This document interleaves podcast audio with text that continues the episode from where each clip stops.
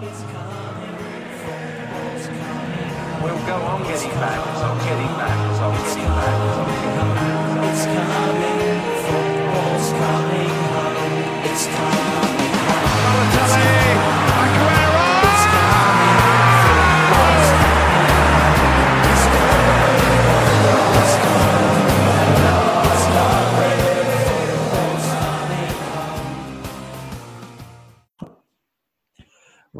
iedereen deze periode vooral bezig is met Project Restart of Black Lives Matter of met corona, was voor mij het mooiste moment van afgelopen week de actie van Marcus Rashford.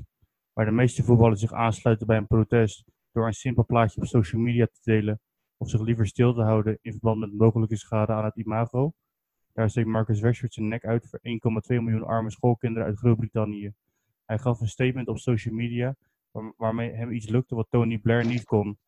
Eh, Boris Johnson laten zwichten en iedereen binnen Engeland samenbrengen. Al zeg ik het zelf, Hub Man United, Hub Rashford. En op eh, die noot gaan we beginnen met eh, de aflevering van Podcast Road. Porto Restart is begonnen. Ja, we zijn er weer in terug. Hartstikke leuk. Ik, ik heb vandaag even alle twee wedstrijden gekeken. Ik heb naar Villa, Sheffield en City Arsenal ook even gekeken. Ja, ik vond, ik vond het leuk dat het weer terug is. Wat erg leuk. Het was leuk om, leuker om eh, de Engelse spelers eh, weer te zien voetballen. Eh, Mhm. Wat vonden we ervan, eh, jongens? Ik ben trouwens, ik vergeet het helemaal, ik introduceer jullie even. Ik ben Laurens Klein, ik ben hier bij Maurits Zoek natuurlijk. De ene. En Fabian is ook eh, op deze late avond aangeschoven. Ja, ik eh, zit er ook lekker bij. Ja, jongens, wat vonden we ervan? Van de sfeer? Ja, ik vond het goed. Beetje, ik deed nog een beetje denken aan Duitsland eigenlijk, hoe eh, ze het hebben gedaan met die supportersgeluiden. Dus ehm, ja, ik, ik moet zeggen, ja, natuurlijk miste dat de supporters er wel bij zijn, dat je de echte reactie die op het spel is. Maar ik moet zeggen dat ze het wel goed hebben, goed hebben opgelost. Ik vond het wel, ehm, ja, ik vind het vooral leuk dat het weer terug is eigenlijk.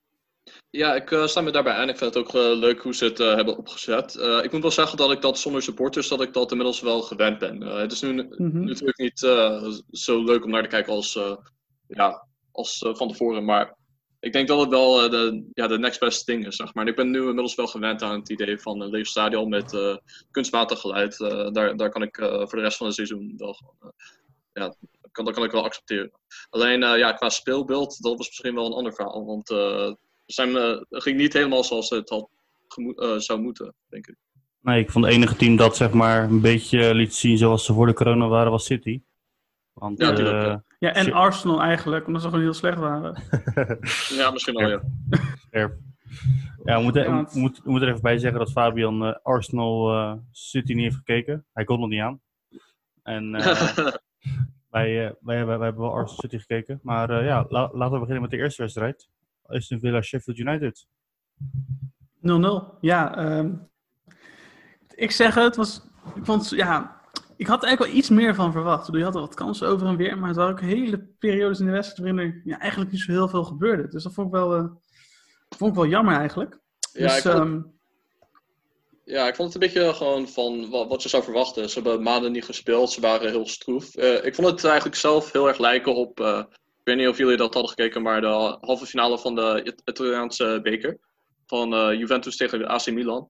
Dat ze allebei best wel Ja. afwachtend speelden, voornamelijk wel gewoon meer verdedigend. En dat het gewoon eh, ja, best wel stroef verliep. Dus eh, ja, dat was mijn eh, takeaway zeg maar, van, de- van de wedstrijd. Dat het echt wel stroef daaraan toe ging. En, ja, dat je wel merkte van eh, er zit gewoon een bepaalde intensiteit. Dat zit er gewoon nog niet in. Ze moeten gewoon weer er een beetje in komen. Maar natuurlijk was het ook een wedstrijd waarbij er ja, een paar gekke dingen gebeurden die eigenlijk niet hadden gemoeten. Zou hebben gemoeten. Dus, Nee, dat ja, de VAR, wel, Ja, de VAR, die, dat was ook kenmerkend. Ook kenmerkend dat in Engeland dat het altijd iets is met de VAR. Dat het daar gewoon niet goed wordt gehanteerd. En dat het om een of andere reden er gewoon ook niet echt, eh, dat het ook gewoon niet eh, ja, beter wordt, lijkt wel. En nu gewoon meteen de eerste wedstrijd, wedstrijd na de restart is het al meteen eh, ja, misgegaan. ja, precies. Want wat er nou gebeurde, nou, voor de mensen die het niet hadden gezien, er was een vrije trap werd vanaf de linkerkant van het veld ingebracht voor het doel bij, eh, van, eh, van de keeper van, eh, van Villa. Ehm, de bal wordt, eh, de bal, de keeper pakt de bal, pent hem tegen zich aan, maar wordt door een speler van Villa over de, over de, eigen, eh, over de eigen doellijn gedu- geduwd. Bal is 100% over de lijn, kun je alle standpunten zien. Doelpunt wordt niet gegeven. Ehm, en dat kwam doordat er een fout was in het Hawkeye-systeem. In ieder geval, de keeper van Villa, die stond, ehm, die stond eigenlijk gewoon voor de camera die normaal gesproken op de doellijn staat om, eh, om de Hawkeye goed te laten functioneren. En daardoor werd de goal die een zuiver doelpunt was, werd niet goed gekend. Mhm. Ik, hoor- ik Klopt. hoorde dat. Ik hoorde dat als mogelijke oorzaak. Een andere die ik hoorde is... eh, die hoorde ik op Ziggo. Dat ze zeiden Mhm. dat het waarschijnlijk te maken had met het feit dat ze die de hockeycamera's ook hadden schoongemaakt met alcohol. Dus dan ze natuurlijk al die, alles hebben schoonmaken vanwege corona. Dat, dat, dat het Mhm. ook niet goed is voor die camera's dat er alcohol overheen wordt gegooid. Nou, oké, in principe moet de camera daar tegen kunnen, denk ik. Ja, maar dat, waren de- dat werd daar benoemd. Het zou ook een mogelijke, mogelijke verklaring zijn. Maar dat wordt denk ik deze Mhm. week wel weer, eh, deze week weer wel weer benoemd. Maar eh, denken jullie dat deze Phantom Goal, laat ik hem even zo noemen, eh, ja, dat, dat was het zeker weten. het zomaar kan zorgen dat Sheffield niet eh, Europees voetbal gaat halen? Nou, ik denk dat dat een beetje te, beetje te vroeg is om te zeggen. Ik bedoel, Ja, er zijn nog wel negen, er zijn nog wel acht duels te spelen volgens mij per club. Dus ik denk dat het nog wel, eh, dat, dat, dat deze goal daar niet heel veel verandering brengt. Zeker ook omdat natuurlijk de, ja, de, de verschillen tussen, ja, tussen nummer 5 en nummer eh 11 zo minimaal zijn dat er ja, in, die, in die acht wedstrijden echt nog van alles kan gebeuren. Dus ik zou zeggen van, maakt nog niet zo heel veel uit. Nee, precies. En eh, wat je ook zegt, dat het, ja, als, als het dan impact heeft, het komt niet alleen door één ding. Ik kan me nog herinneren een wedstrijd van eh, United tegen Chelsea op Stamford Bridge. Dat ze eh, eigenlijk ook, eh, dat Chelsea twee doelpunten door VAR afgekeurd had gekregen. En dat Maguire eigenlijk een rode kaart had moeten krijgen. Die had hij toen niet gekregen. Dus zo'n wedstrijd heeft dan bijvoorbeeld United ook een voordeel. Daar hebben ze ook profijt aan gehad. En eh, volgens mij een paar dagen later moesten ze tegen Everton. En toen werd in de laatste minuut een eigen doelpunt afgekeurd. Waardoor ze ja, anders een wedstrijd zouden hebben verloren die ze eh, uiteindelijk gelijk hebben gespeeld. En eh, dat, dat is dus nog zo'n geval waarbij dan eh, iets eh, met VAR, dat het dan toch eh, ja, op een ander eh, resultaat is uitgekomen. En eh, zulke dingen als dat zo opstapelt, da- daardoor kan je niet zeggen door, door één fout van, de- van de VAR komt. Dat, dat het dan Nee, dat is op die manier voor één team ongunstiger is uitgepakt. Het is een soort van samenloop van verschillende dingen. Van Ja, daar verschillende heb je een gevallen. punt. Daar heb je een punt. Ja, wie Ja. zouden jullie als man van de wedstrijd aanduiden deze wedstrijd? Eh, Henderson. Mijn, ja, mijn was, zou dus ook Dean Henderson geweest zijn. Die vond ik echt heel sterk spelen. Een paar goede die was weer, Ja, die was was weer wel sterk, clean sheet gehouden. En Ik vond zelf... eh, Nijgaard ook, hè? Die heeft ook een clean sheet gehouden. Ja, net dat was ook goed. Maar ehm, ja, ik vond vooral, eh hoe heet het opvallende wel dat Aston Villa weer met, met minder blessures hebben. McGinn speelde weer in het middenveld. En ik Mhm. vond die, ja, dat is ook belangrijk. Ja. Vond ik wel dat is een inderdaad een interessante. Dat is Ja. die eh Kenan Davis, een jeugd, eh, jeugdattribuut van, eh, van Villa. Hij heeft een paar wedstrijden gespeeld, maar ik vond hem heel veel dreiging vanaf komen. Speelde goed, absoluut. Had nog een grote kans ook volgens mij nog, die Henderson toen goed redde. Maar nee, ik, vond, ik moet zeggen, na Davis, ik, ik kende die jongen eigenlijk niet. En toen zag ik hem verder van, joh, ben ik wel goed. Maar ik Dus, vond hem eh, eh, v- veel dreiging vanaf komen. Hij had iets van drie eh, kopkansen uit corners. Dus eh, Sheffield wist niet hoe ze met hem om moesten gaan. Dus het is wel interessant om, eh, om wat te zien. Eh, trouwens, even om jullie, op jullie vorige aflevering terug te komen. Sivkovic zat niet op de bank. Was dat niet op de bank? Oké. ik Nee, heb klopt. gekeken naar het. Sivkovic zat, zat niet op de bank. Hm. Oké, uiteindelijk niet. Ik denk niet, zonde. Maar dat is dan weer jammer voor, eh voor Nels. Vond ik hem wel goed. Ik vond El Ghazi vond ik, vond ik aardig spelen. Speelde bij Vlagen goed. Ja, ja want, maar je meet gewoon dat iedereen echt moest opstarten. Grealish Ja, vond ik niet super, super dreigend. En eh, ja, bij Sheffield denk ik dat ze toch Europees voetbal gaan missen. Om, puur omdat ze niet echt een goede spits hebben, vind ik. Mhm. Ja, ja met eh, McBurney, die heeft, eh, dat is een soort van eh, purple patch speler zoals ze dat noemen. Die heeft dan gewoon soms fases waarbij hij gewoon een paar weken goed speelt en dan eh, valt hij er weer uit. En dan duurt het weer even voordat hij dan weer weet te scoren. Dan heeft hij weer een paar goede wedstrijden en dan Mhm. valt hij weer een beetje, uit- raakt hij weer een beetje uit vorm. En ik denk dat, eh, zag ik het nou goed, maar ik geloof dat Sheffield dat ze ook iets anders zijn gaan spelen, dat eh qua systeem. Het zie- het ziet er wat anders uit dan vergeleken met het begin van het seizoen. Ja, ik heb het gevoel Nou, dat, dat, dat er een meer belangrijker over die Sander Bergen is, zeg maar, die middenvelder die ze hebben gehaald. Ja. Ja, en dat, eh, dat, dat ze juist eh, doordat ze hem erbij hebben gehaald, dat ze ineens een ander systeem eh, zijn gaan gebruiken. En misschien heeft dat ook een beetje tijd nodig om, eh, om, eh, dat de spelers aan wennen, dat ze er een beetje in komen. Dus eh, Mhm. misschien pakt het dan uiteindelijk wel goed uit, maar je merkte door de herstart, door dat ze niet gewend waren zonder publiek te spelen. En ja, dat ze gewoon ja, een, eh, aan een nieuw systeem moesten wennen. Dat het eh, gewoon niet zo soepel verlie- eh, verliep zoals we vaak bij Sheffield zien in wedstrijden. Dus ja, ze hadden natuurlijk ook een pech dat, dat de VAR een grandioze fout had gemaakt. Maar ja, echt, dat, dat is echt een verdiende winnaar waren geweest op ja, speelgebied. Hoe ze speelden, vond, dat vond ik dan, dan weer niet. Hè. Nee, het was eigenlijk wat ehm, een te close call. Ben ik met je eens eh, om te zeggen dat er één club echt verdiende te winnen. Ik bedoel, Villa had een paar echt goede kansen. Sheffield Ja, had een paar goede kansen. En ik ben ook wel benieuwd, eigenlijk zoals jij ook al zei, hoe die, die rol van Sander Bergen gaat zijn. Want die doet het wel... Ja, die vind ik wel echt indrukwekkend spelen. Vind ik wel goed spelen sinds hij eh, bij Sheffield gekomen is. En ook zeker afgelopen wedstrijd zag je dat wel.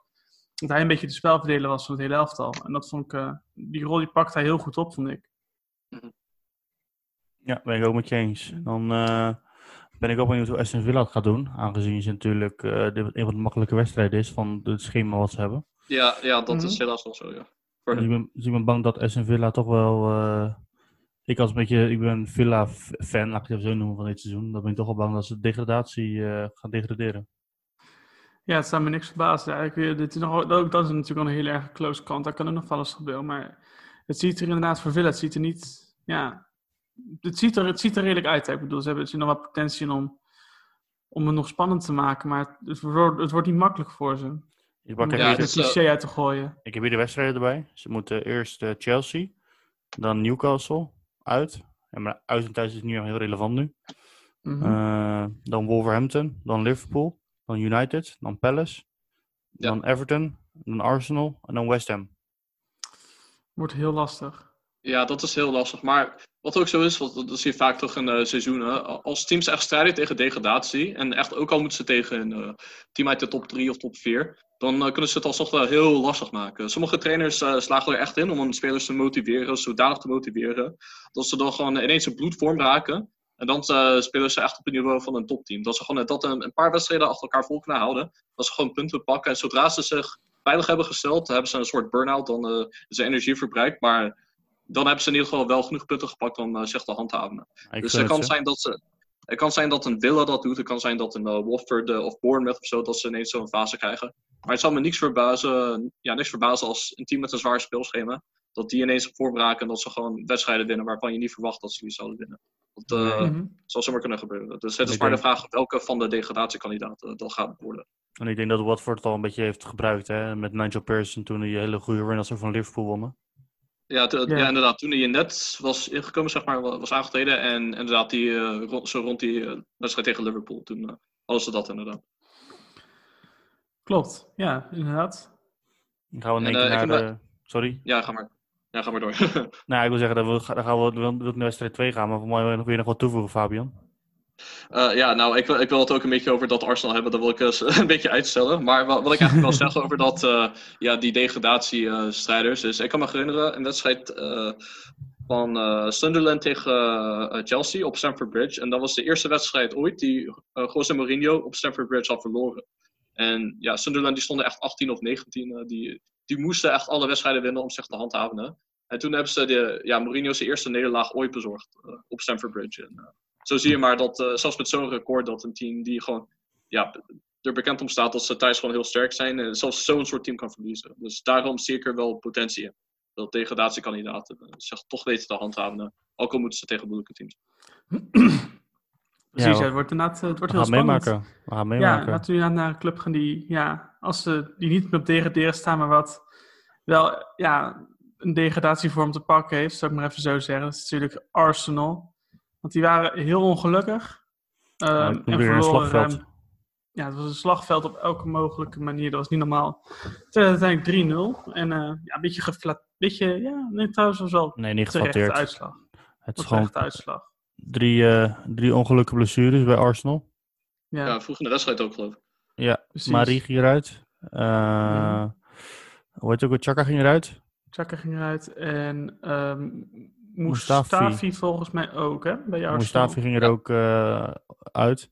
En dan En een heftige blessure van Erik Garcia. Elf- Elf, elf- met Ederson. 11 minuten blessuretijd in de tweede helft. Omdat Erik Garcia vol eh, werd getorpedeerd door, eh ja, door Ederson met een communicatiefout. Heel, heel hard. Eh elkaar op het veld. Dat was heel hard. Ja, hoe, hoe gaat het nu? Met, wat had hij precies, maar, waar Gewoon knock-out. Hij ging knock-out. Oh, knock-out. Oh, oké. Maar met, eh, wel heel, heel, heel ernstig, want hij werd met, met eh, brancard, met, eh, met, eh, met, ook weer? met, pijn, eh, met pijn, eh, pijnmiddelen werd hij eh, het veld afgebracht. Zuurstof. Ja, klopt. Had het zuurstof. Dat was echt... eh, En misschien Ja, als dat is echt de niet tong, tong echt geslukt of zo. Dat, dat gebeurt ook wel eens. Dat spelers dat doen. Als ze een harde stoot krijgen, dan slukken ze hun tong in. En Ja, meestal klopt. gebeurt dat als ze knock-out gaan. Dus, Mhm. dus Ja, ik weet niet of dat deze keer gebeurd is, nou, ik, eh, maar ik hoop het in ieder geval niet. Maar ja, het lullig was, dus op een gegeven moment die tweede wissel die Arteta moest gebruiken als om Pablo Marie in eh, de 24 minuten te vervangen.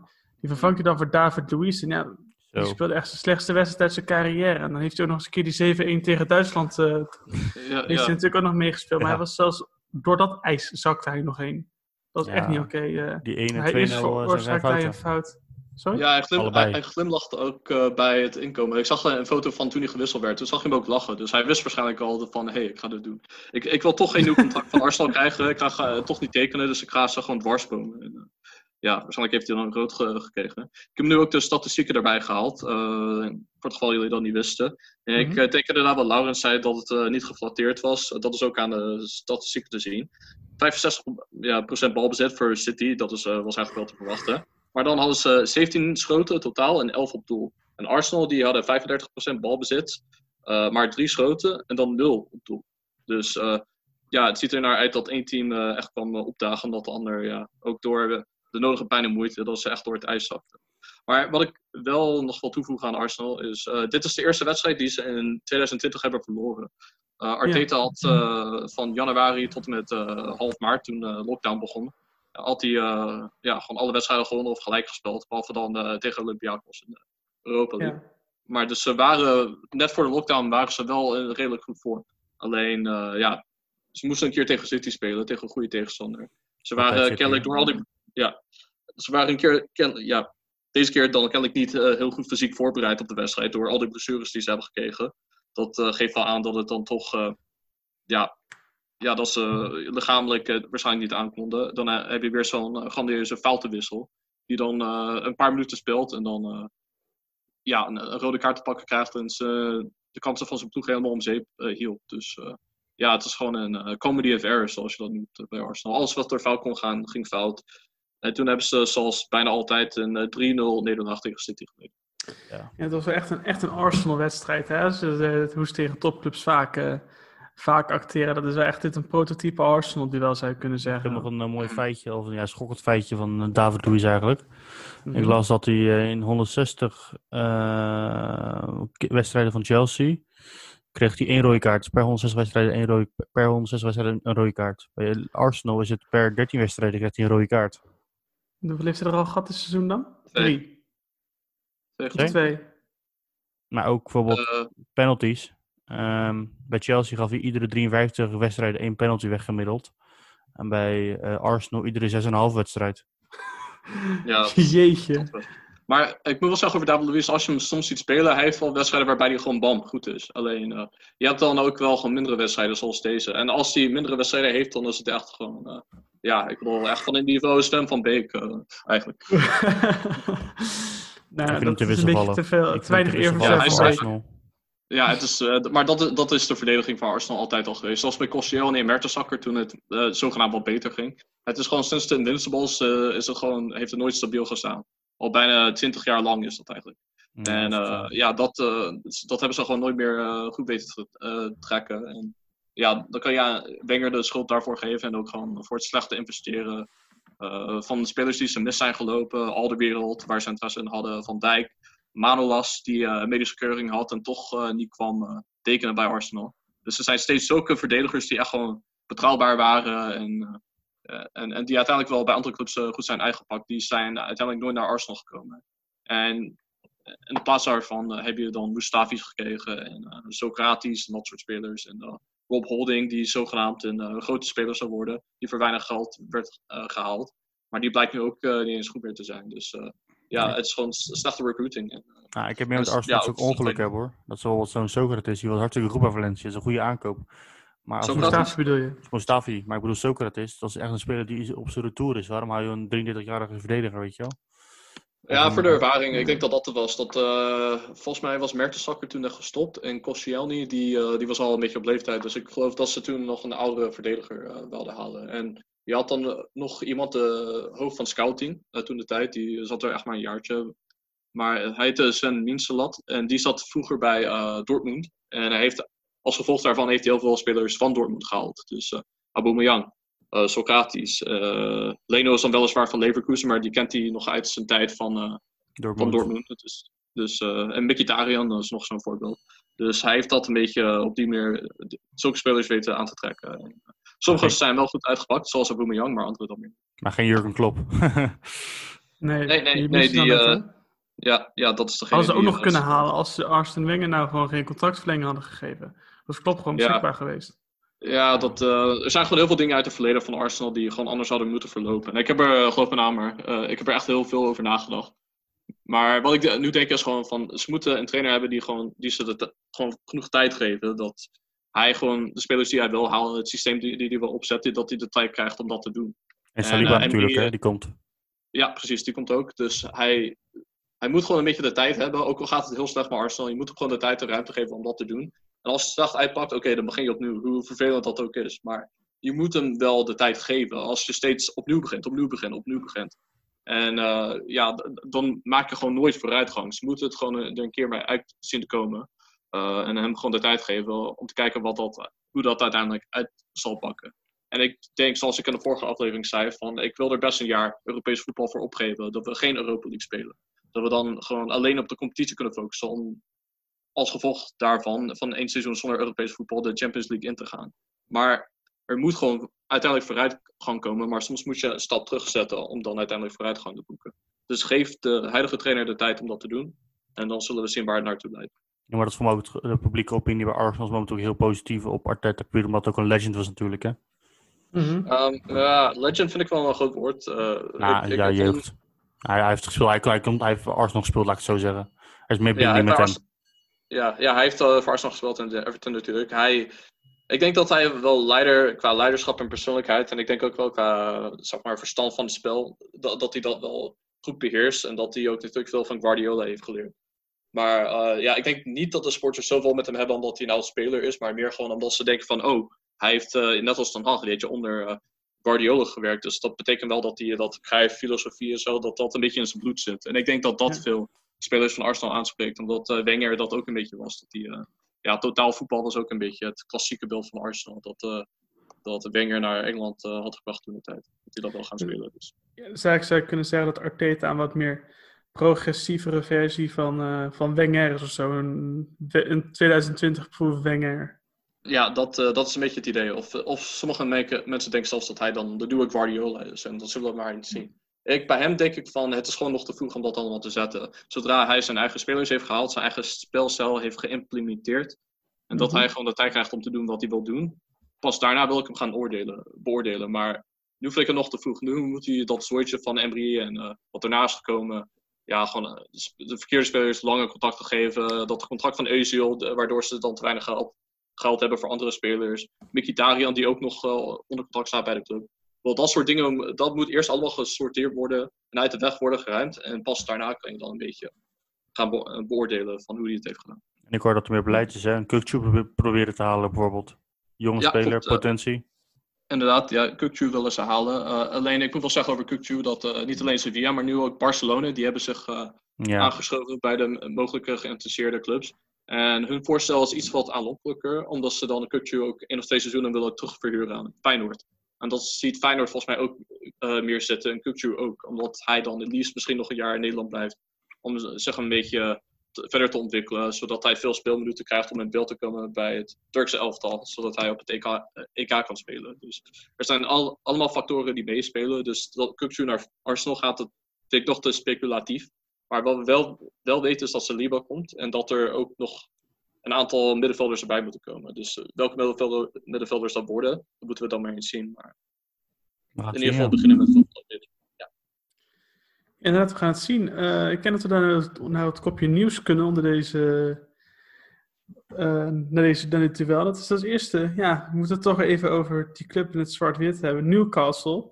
Want van de week is het dus, eh, is het dus gelekt dat naast ehm, een Saoedi, ja, naast dus de Saoedische vrienden, nu ook opeens ehm, het Amerikaanse televisiebedrijf Clear TV, eigendom van Henry Morris, ehm, ja, ook geïnteresseerd zou zijn om nu eh, de club over te nemen. Ja, en eh, dat hebben we toen even Na laten vragen we onze huisanalist Roemer Verhagen en eh Onze Newcastle. fan. Newcastle supporter. En eh, volgens hem is het vooral een PR-stunt van Ashley om druk op de Premier League het bond te leggen om zeg maar, dat consortium te goed te keuren. Mhm. Dus eh, ja, het is altijd lastig om dat soort dingen te fact te checken. Maar het stond, stond de VI, dus eh, we gaan meemaken. Ja, dat vind ik wel. Ja, maar dat vind ik wel raar, want als dat zo zou zijn van dat Ashley druk legt op de bond om de Saoedi's goed te keuren door te zeggen dat een andere, andere partij ook geïnteresseerd is, dat zou toch voor de Premier League toch helemaal niet uit moeten maken, aangezien in eerste instantie eh, de Premier League gebaat is bij een, bij een eigenaar bij, voor een club die integer is. Ja, En dat ten tweede? punt. Vaag. Ja, en ten tweede eh, maakt het voor de Premier League in principe geen donder uit of persoon A het wordt of persoon B het wordt, als er maar een persoon komt uiteindelijk. Maar volgens mij maak ik, ik kan me niet voorstellen dat de Premier League echt heel veel baat heeft of heel erg onder druk gezet wordt als er een deadline komt van een andere investeerder. Ik denk dat hij dan zegt, oké, oké, prima, wat is jouw voorstel? Dat Ja, vind ik een beetje een kromme redenering die ik niet snap eigenlijk. Ik vond het ook heel vreemd, maar even, ik pak hem er even bij. Eh, dit, dit, zijn, dit zijn de officiële woorden van Robin Verhagen. Dit is waarschijnlijk een PR-stunt van Mike Ashley om de Premier League een beetje op de hielen te, te zitten om sn- tot snel een beslissing te komen voor de overname van de Saudi-back consortium. Niks aan de hand dus. Oké, ze moeten het niet serieus nemen eigenlijk. Volgens eh, Robin niet, maar we gaan het eh, meemaken. Mhm. Wat is er nog meer gebeurd in Engeland? Ehm, ja, Ryan Fraser. eh, die gaat niet verlengen. Dus ja, in Engeland zijn ze nu een beetje met korte contracten, zeg maar, tot het einde van het seizoen. En, ja, precies. eh, Dat ze gewoon eh, nog een maandje daaraan vastknopen. Dat ze het Ja. seizoen afmaken. Dan verder. Precies. En eh, Ryan Fraser die gaat niet verlengen. Die gaat 30 juni echt weg bij eh, de club. En hij speelt nog twee wedstrijden. Zelfs met Jordan Ibe. Die de, de, miljoen, de recordaankoop van eh Bournemouth. Die was over 20 vij- vij- van Ja, van Liverpool gehaald. toch? Ja. Dat was gehaald voor Mhm. 25 miljoen. En die is al weg. Dus die gaat de laatste wedstrijden niet spelen. Maar eh clubcaptain Simon Francis, eh, middenvelder Andrew Searman, Charlie Daniels en eh, backup keeper Arthur Baruch hebben wel een eh, short-term agreement eh, getekend. Dat is eh, wel best wel zorgwekkend voor eh, Bournemouth. Niet zozeer de spelers die eh, per direct zijn vertrokken, maar ook degene die dan een short-term contract hebben gekregen. Ik ze hebben eigenlijk al een niet zo hele brede eh, selectie. Ze hebben veel spelers gehuurd van andere clubs. Of spelers ge- eh, gekocht die uiteindelijk niet goed bleken te zijn. Zoals eh, onze grote vriend eh, Dan Juma. en, eh, Mhm, Ja. De boef, Ja, en, eh, heb je dat gehoord? Hij, ja. is, eh, hij, Ja, was, hij is, hij was ja, zeg maar. Ja, maar hij, hij, was, eh, hij gaf in een interview aan dat hij een keer eh, op tv een eh, misdadiger was, een moordenaar. En die leek heel erg op hem. Dus heeft de politie hebben ze hem aange, aange, ja, overhoord om te zeggen of hij de, de, de- ja, degene was die het had gedaan. En dan eh, komt hij aan met zijn Nederlands accent. En dan zegt hij van, eh, I don't know who, eh, who, eh, who this guy is. I, eh, en dan kan hij op die manier aangeven hè? van... eh, ja, dan ben ik geen, eh, geen Engelsman, weet je. Of Afrikaan, of wat dan ook. Dus eh, Ja. ik denk dat het eh, bij het eerste gesprek met de politie al duidelijk moet zijn... dat het, hij niet degene is die ze zoeken. Maar dat, eh, ja, uit toch etnisch profileren. Dan is hij zo geïdentificeerd. En eh, is hij dan toch aangehouden. Oké. Maar eh, over, de- over het spreken nog, ja, ik denk dat aan de ene kant je gelijk hebt, Fabian. Dat het niet goed is dat ze heel veel spelers op korte termijn hebben. Eh, die een kort contract aflopen. Lange termijn denk ik ook wel van het slim is. Want stel je voor ze gaan degraderen. Dan hoeven ze die contracten niet te, hoeven ze dat salaris niet mee te nemen naar, naar, naar, de, naar de championship. Ja, dat is inderdaad wel zo. Maar wat ik dan ook de slag aan vind, is als je met dat idee in je achterhoofd zit, dan denk je eigenlijk ook wel dat de kans is dat je degradeert. Ja, dat het heel groot is dat het bestaat. En dat je dan ook in de zomer heel veel nieuwe spelers moet halen. wa- Waardoor je dan eigenlijk met een dunne selectie misschien dat, dat het misschien niet mogelijk is om meteen weer te promoveren. Dus als je ervan uitgaat dat je op een lange termijn langer in de championship eh, zit. Nou, er zijn andere clubs die die aanpak hebben gedaan. Eh Wigan Athletic bijvoorbeeld. Die hadden toen ze City versloegen in de FA Cup eh, finale een aantal jaar geleden. Toen eh, wonnen zij, eh, eh, eh, waren zij uiteindelijk wel alsnog gedegradeerd. Toen hadden ze veel van hun eigen spelers verkocht. McCarthy, eh, eh, wie nog meer, ja, McCarthy, eh, eh, Franco Di Santo en dat soort spelers eh, gingen allemaal weg. En eh, wat eindelijk, uiteindelijk is gebeurd, is dat ze dan al- alsmaar de hele tijd in de tweede divisie zaten, in de championship. En eh, ze zijn gewoon helemaal niet in de buurt geweest van het eh terugpromoveren naar de Premier League. Ze hebben daar gewoon helemaal niet aan meegedaan. En eh, dat zag je ook met Sunderland. eh, in de documentaire kon je dat heel goed zien. Daar zaten ook andere factoren bij, dat ze financieel hard ge- geraakt werden door zo door een of andere crisis die ze hadden intern. En eh, die zijn uiteindelijk ja, nooit meer gepromoveerd. Die zijn zelfs meteen gedegradeerd naar League One. Dat. Dus met zo'n aanpak is het, eh, begrijp ik er wel van eh, op een korte termijn van een financieel standpunt. Maar daarmee toon je wel een beetje aan je spelers ook aan van ja, we gaan er al vanuit dat we gaan degraderen. Dus waarschijnlijk gaan ze er ook vanuit dat AK dat ze die moeten gaan verkopen. Eh, omdat ze er vanuit gaan dat ze gaan degraderen. Dus ik vind het een soort, qua mentaliteit, een beetje een soort eh defeatist attitude. Dat ze dan zeggen van, dat ze het idee hebben van, ja, het gaat toch niet meer goed komen. Dus eh, met deze korte termijn contacten, dan kunnen we ze, ze nog spelminuten geven voor het einde van het seizoen. Maar ja, het is eigenlijk al gedaan. Ja, ik ben het ene kant met je eens, maar als je kijkt naar bijvoorbeeld Charlie Daniels en eh, Simon Friends, en allebei al in de langere 30, ook met Arthur Buruc. Misschien heeft het ook te maken met doorsolliciteren. En eh, Ja. ik wil ook bij zeggen dat Bormer van Club echt heel financieel best wel klein is met andere begrotingen. Weet nog Ja, toen, ze promo- dat, dat weet ik ook wel. toen ze nog promoveerden, toen het eerste wat de chairman zei, ja, we hebben een klein stadion, maar we moeten minimaal twee jaar in de Premier League zitten om een uitbreiding te kunnen doen. Dus ze, zijn wel, ze, weet je, ze voeren wel gewoon een, een goed financieel beleid in plaats van die grote schulden die bijvoorbeeld de Sunderland heeft gemaakt. Ja, ja dat, als je het zo inderdaad eh, in kaart brengt, dan eh, van, eh, ja, vanuit een financieel standpunt zal het dan inderdaad wel daarmee te maken hebben dat ze dan die spelers dan ja, niet verlengen al- als ze ouders zijn. Eh, maar ja, het is maar, meer voor mij zo dat ik gewoon voorbeelden heb van andere clubs die dan dezelfde ja, stappen hebben gemaakt en die zijn gewoon nooit meer gepromoveerd. Dus ik wil zitten, zitten bestuur van Bournemouth, eh, hebben ze dat wel naar achterhoofd zetten hoe het met die clubs is gegaan. Ik, Dus, als ik eh, nu wel even met een Nederlandse club moet vergelijken, vind ik Bournemouth een beetje een Excelsior. Heel veel jeugdspelers en wel goed beleid voeren. En heel veel huurspelers, sorry. Ja, ja dat, Ja, eh, eens. dat is een- inderdaad een goed voorbeeld. Eh Excelsior, Go Ahead Eagles, zo'n soort club inderdaad. En, het laatste wat ik nog wil toevoegen als nieuws is eh, Pierre-Emile Hooiberg van eh, S- de Saints van eh, Southampton is geen aanvoerder meer.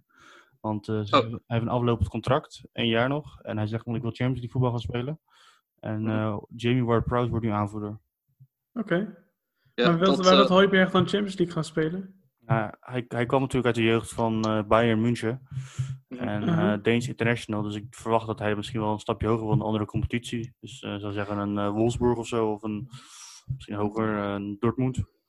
Leverkusen. Ja, ik vraag me dus af of die, of die hoger dan Wolfsburg... Ik denk dat Wolfsburg wel zijn plafond is, maar ik, zou, ik, zei, ik zie hem niet zo gauw zijn minuut in de Champions League maken als ik eerlijk ben. Is Ik, denk 24 niet dat hij er goed genoeg voor is. Ik, ik vind hem wel een hele goede speler hoor, Hooiberg. En Mhm. ik geloof ook dat eh, Tottenham dat ze interesse in hem hebben. En eh, dat vind ik eigenlijk wel een goede club voor hem. Maar het is maar de vraag of Tottenham of ze Champions League voetbal halen. Maar ik denk misschien, hey, als Tottenham komt aankloppen, José Mourinho, ook al spelen ze Europa League, ik denk dat hij, hij dat ook wel zo zien zitten. Dus zijn ambitie is Champions League, maar hij zal vast wel willen settelen voor een Engelse club die, eh, die ook mee kan, volgend seizoen mee kan doen met de Champions League plekken. En waarbij hij ook gewoon een toekomst heeft. We gaan het volgen. Ja, Precies. Wat we ook gaan volgen is de komende speelronde in de Premier League. Laten we even kort de wedstrijden één voor één bespreken. Een klein voorbeschouwing doen. Kunnen we denk ik wel even, wel Ja, even we- doen.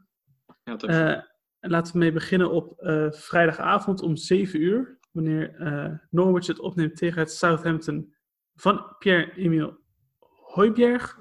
Eh, we hebben voorspellingen natuurlijk al gedaan eh, in de afgelopen podcast. Laurens nog niet, hè? Nee, daarom. Ah nee, oké, dus we dan deze doen even gewoon de, de, de, de loterij van Laurens doen en dan even heel Ja, kort erover Ik zal ze voorlezen, dan eh, mag Laurens een voorspelling doen. Cool. Oké. Norwich tegen Southampton. Ja, ik zeg dat eh Southampton wint. Southampton moment. Eh, deze wedstrijd is trouwens morgen om 7 uur. En meteen daarna om. eh, eh, sorry, overmorgen om 7 uur. Nou, morgen En meteen daarna 12 uur. Ja, ja, ja, dat is uiteindelijk ja, morgen inderdaad. Ja. Maar al. Eh, ja, dan heb je daarna om kwart over negen heb je Tottenham tegen Manchester United. Een heel lastig gelijk spelletje. Een saai gelijkspel.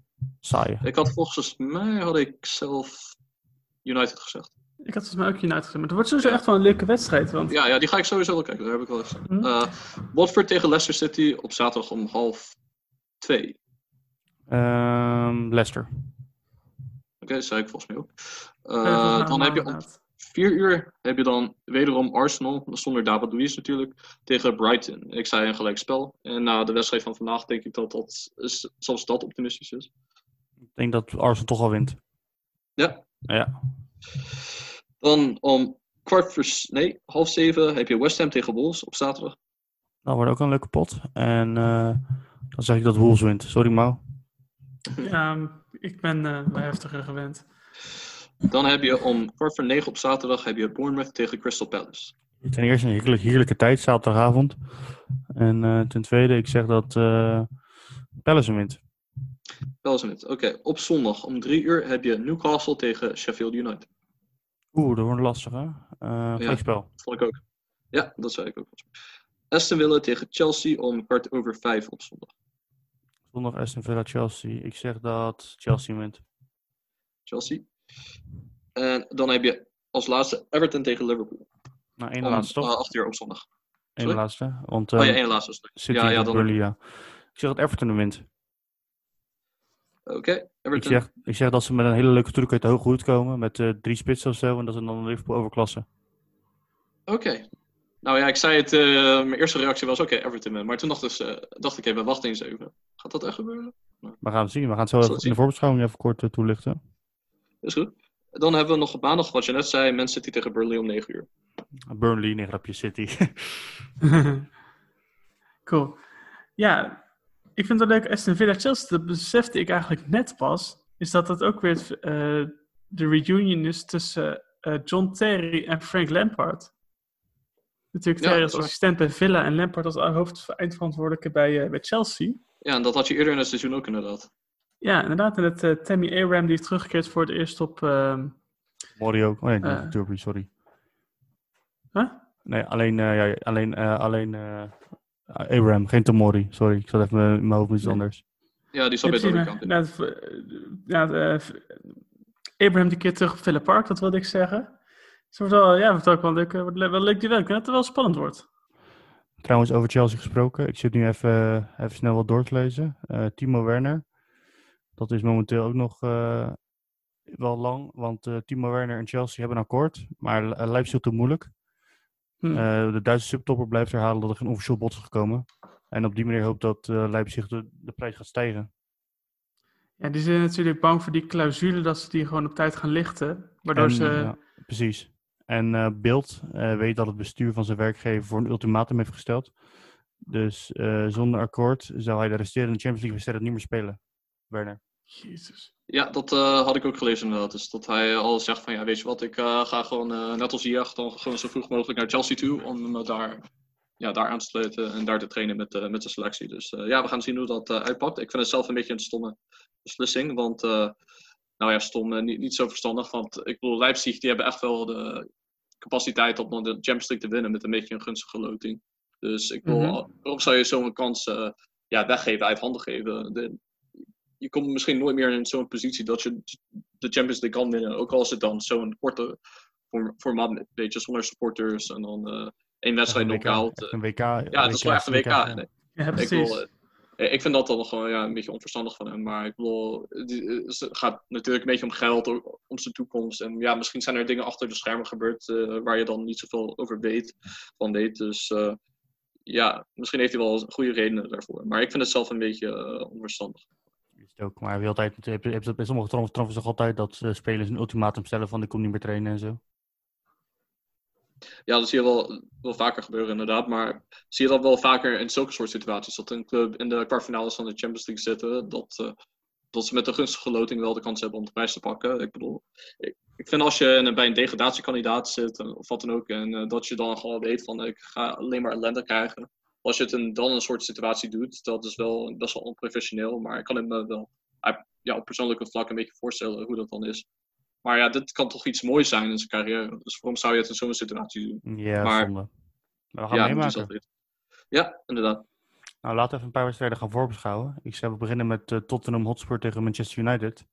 Mhm. Ja, ik zeg zelf dat het een gelijk spelletje wordt, want eh, ik denk dat het allebei heel defensief gaat spelen. Vooral de special one, die gaat vooral voor een, eh voor een Ja, ja, dat eh, is heel bekend hoe eh, hij speelt wil maar ik ben wel benieuwd eigenlijk naar eh, United, het middenveld. Want Pogba, Ja. is McTominay terug? Volgens mij wel. En ik heb voor mij wel begrepen dat ehm, Pogba en dat, dat voor Pogba het een motivatie is om bij United te blijven als hij met Bruno Fernandes samen kan spelen. Dat is wel een leuk, eh, wel een leuk nieuwtje. En ik ben heel benieuwd hoe dat gaat uitpakken, want het zou zomaar echt een... eh, ik, ik heb er wel vertrouwen in. Ik, ik heb zoveel vertrouwen in United en Solskjaer. Dat heb ik ook altijd al wel, eh, altijd Maar al is, is gezegd. niet een beetje hetzelfde soort speler, Pogba en Bruno Nee Fernandes? joh. Nee joh. Totaal niet. Dus ik denk dat die heel complementair aan elkaar zijn. Ehm. Het is een beetje, ik denk dat het een beetje te vergelijken is met eh, Kevin De Bruyne en Bernardo Silva. Eh, wat je bij City ziet, dat is trouwens helemaal niet makkelijk om te doen, maar dat ze dan met twee aanvallende middenvelders eh, spelen. De Bruyne is wel iemand die veel meer loopt dan Silva, die, die gaat soms een beetje de ruimte staan op de breedte aan de zijkanten opzoeken. Maar je ziet dat gewoon heel weinig bij clubs, dat ze dan twee aanvallende middenvelders heb- hebben. En dat willen ze bij eh, United gaan opvangen door verdedigender te spelen, dus op de counter. Dus eh, ja, juist met eh, een, een verdedigend systeem is dat misschien wel te handhaven. Maar dat betekent wel dat Pogba dat hij wel verder teruggezakken is dan bijvoorbeeld een De Bruyne. Dat hij veel Mhm. meer bo- box-to-box werk gaat doen. En dan speelt Bru- Bruno Fernandes meer een soort van in de ruimtes die James vrijlaat. Als hij dan zeg maar naar binnen kapt of over de vleugels gaat. Om dan wat meer creativiteit te bieden. Dan is het ook zo dat Wan-Bissaka niet hele aanvallende back is. Die is juist heel verdedigend ingesteld. Dus daar komt sowieso ook ruimte ja, voor vrij. Voor eh, een eh, middenvelder om eh, die zones op te zoeken. Dus ik denk dat dat ook zou kunnen. Maar ja, ik, ik, ik wil toch wel eerst zien. Want heel weinig teams kunnen dit. Echt, ik heb het echt alleen bij City gezien dat het echt heel goed heeft uitgepakt. En misschien ook Mhm. bij, eh, en misschien ook bij Real toen ze met Isco en Kroos samen speelden, sommige wedstrijden. Eigenlijk alleen bij die twee clubs heb ik het zien werken. En ik ben wel benieuwd of dat ook bij United gaat gebeuren. Ja, Maar ik we gaan het zelf- allemaal meemaken. Ik heb echt hetzelfde. Ja, ik ik ben, heb, ik ben echt- benieuwd. Ik heb echt het gevoel van wie gaat die vuile meters lopen? Ja, McTominay. Maar dan heb je nog steeds heel veel, heb je nog steeds een, een, over, een ondermacht op het middenveld, naar mijn mening. Ik denk dat Ja. Pogba het wel kan opvangen. Want wat Fabian zegt, ben ik het wel mee eens. Weet je, hij kan heel goed die box-to-box eh, functie spelen. En ik denk dat als je dat zo doet, je hebt McTominay erbij, dat je dan ja, toch wel die balans wel hebt eigenlijk. En bij Ja, maar je- gewoon als invaller. Dan, Ja. eh, of voor Fernandes of voor Pogba. En dat je dan Fred erachter zet of zo.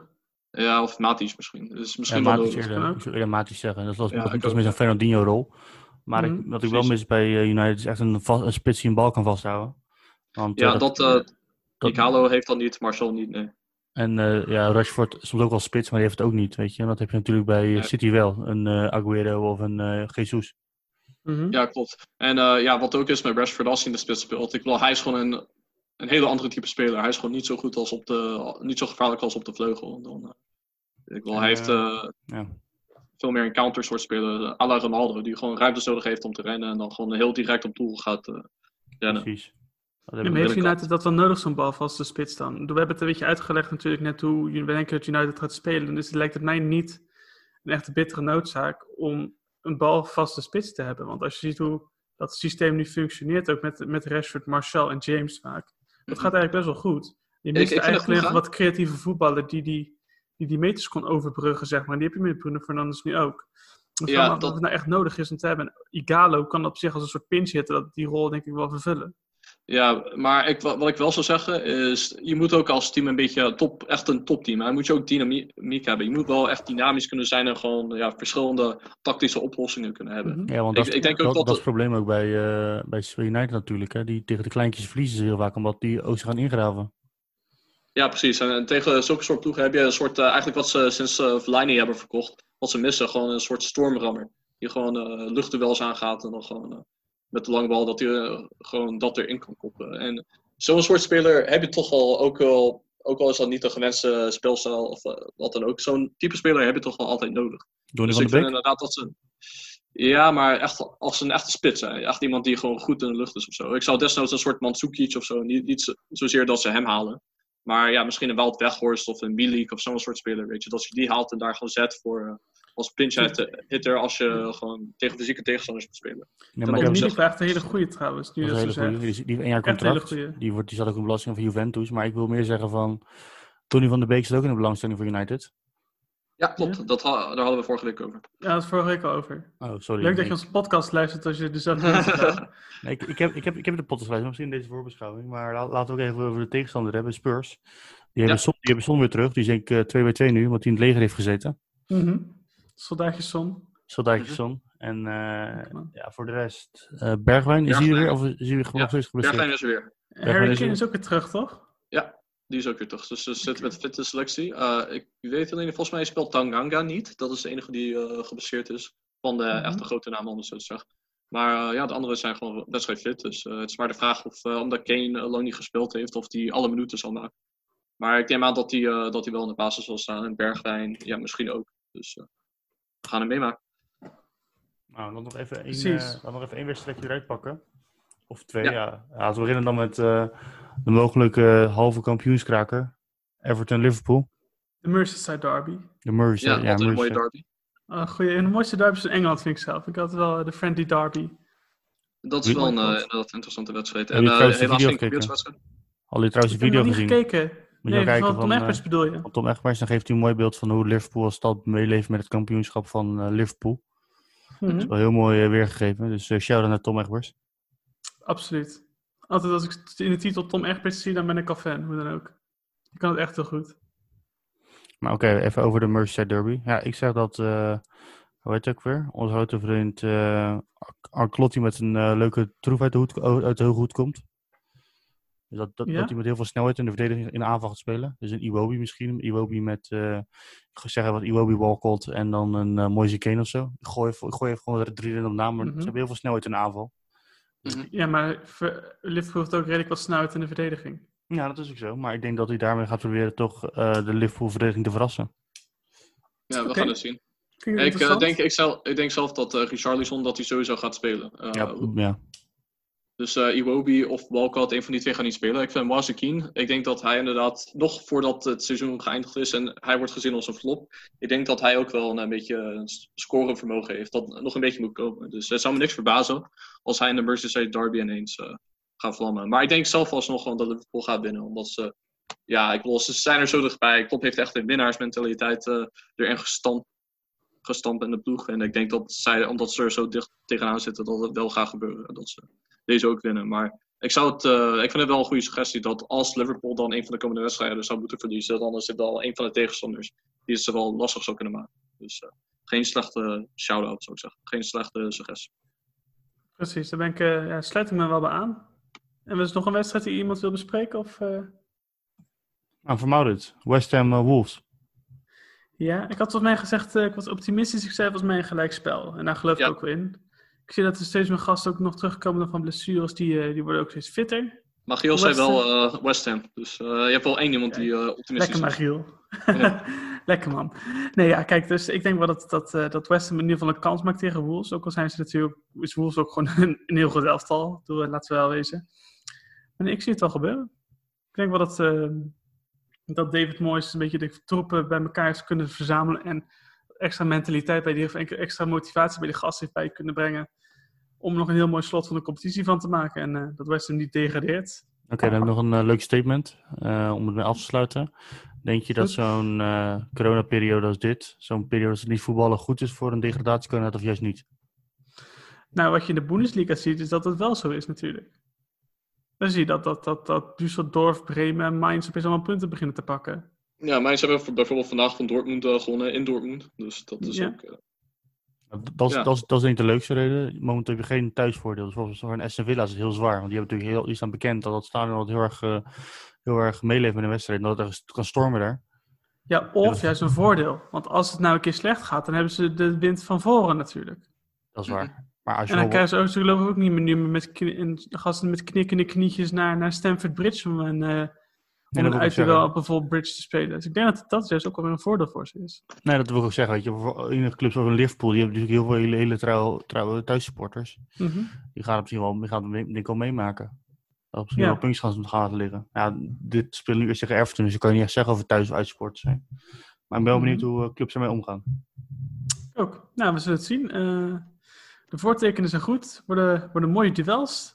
Eh, ja, we hebben weer een, eh, voor mij bijna een uur alweer volgel- volgeluld. Ik weet niet op hoeveel minuten we zitten nu. Maar Kan, eh, kan ik niet zien. Maar ik vind, eh, ik vind het wel leuk hebben we geluld voor om half één s'nachts. Precies, ik ben gesloopt. Ik ben al rond een uur of zeven wakker. Heb al gewerkt, heb alles al gedaan. Dus ik Precies. ga zo lekker mijn nest induiken. Maar dit sluit ik hem ook. af. Wat zijn, de, wat zijn de socials? Nou, op, op Twitter heten wij podcast laagstreepje road. Op Instagram heten wij podcast road. Volg ons ook even op YouTube. Kunnen we op zo subscriben op podcast road. En Laurens, voor liefdesbrieven, waar kunnen we dan naartoe? Podcastroad.gmail.com Lekker man. Nou, bedankt voor het luisteren en eh, ja, tot de volgende keer. tot de Ciao. volgende keer.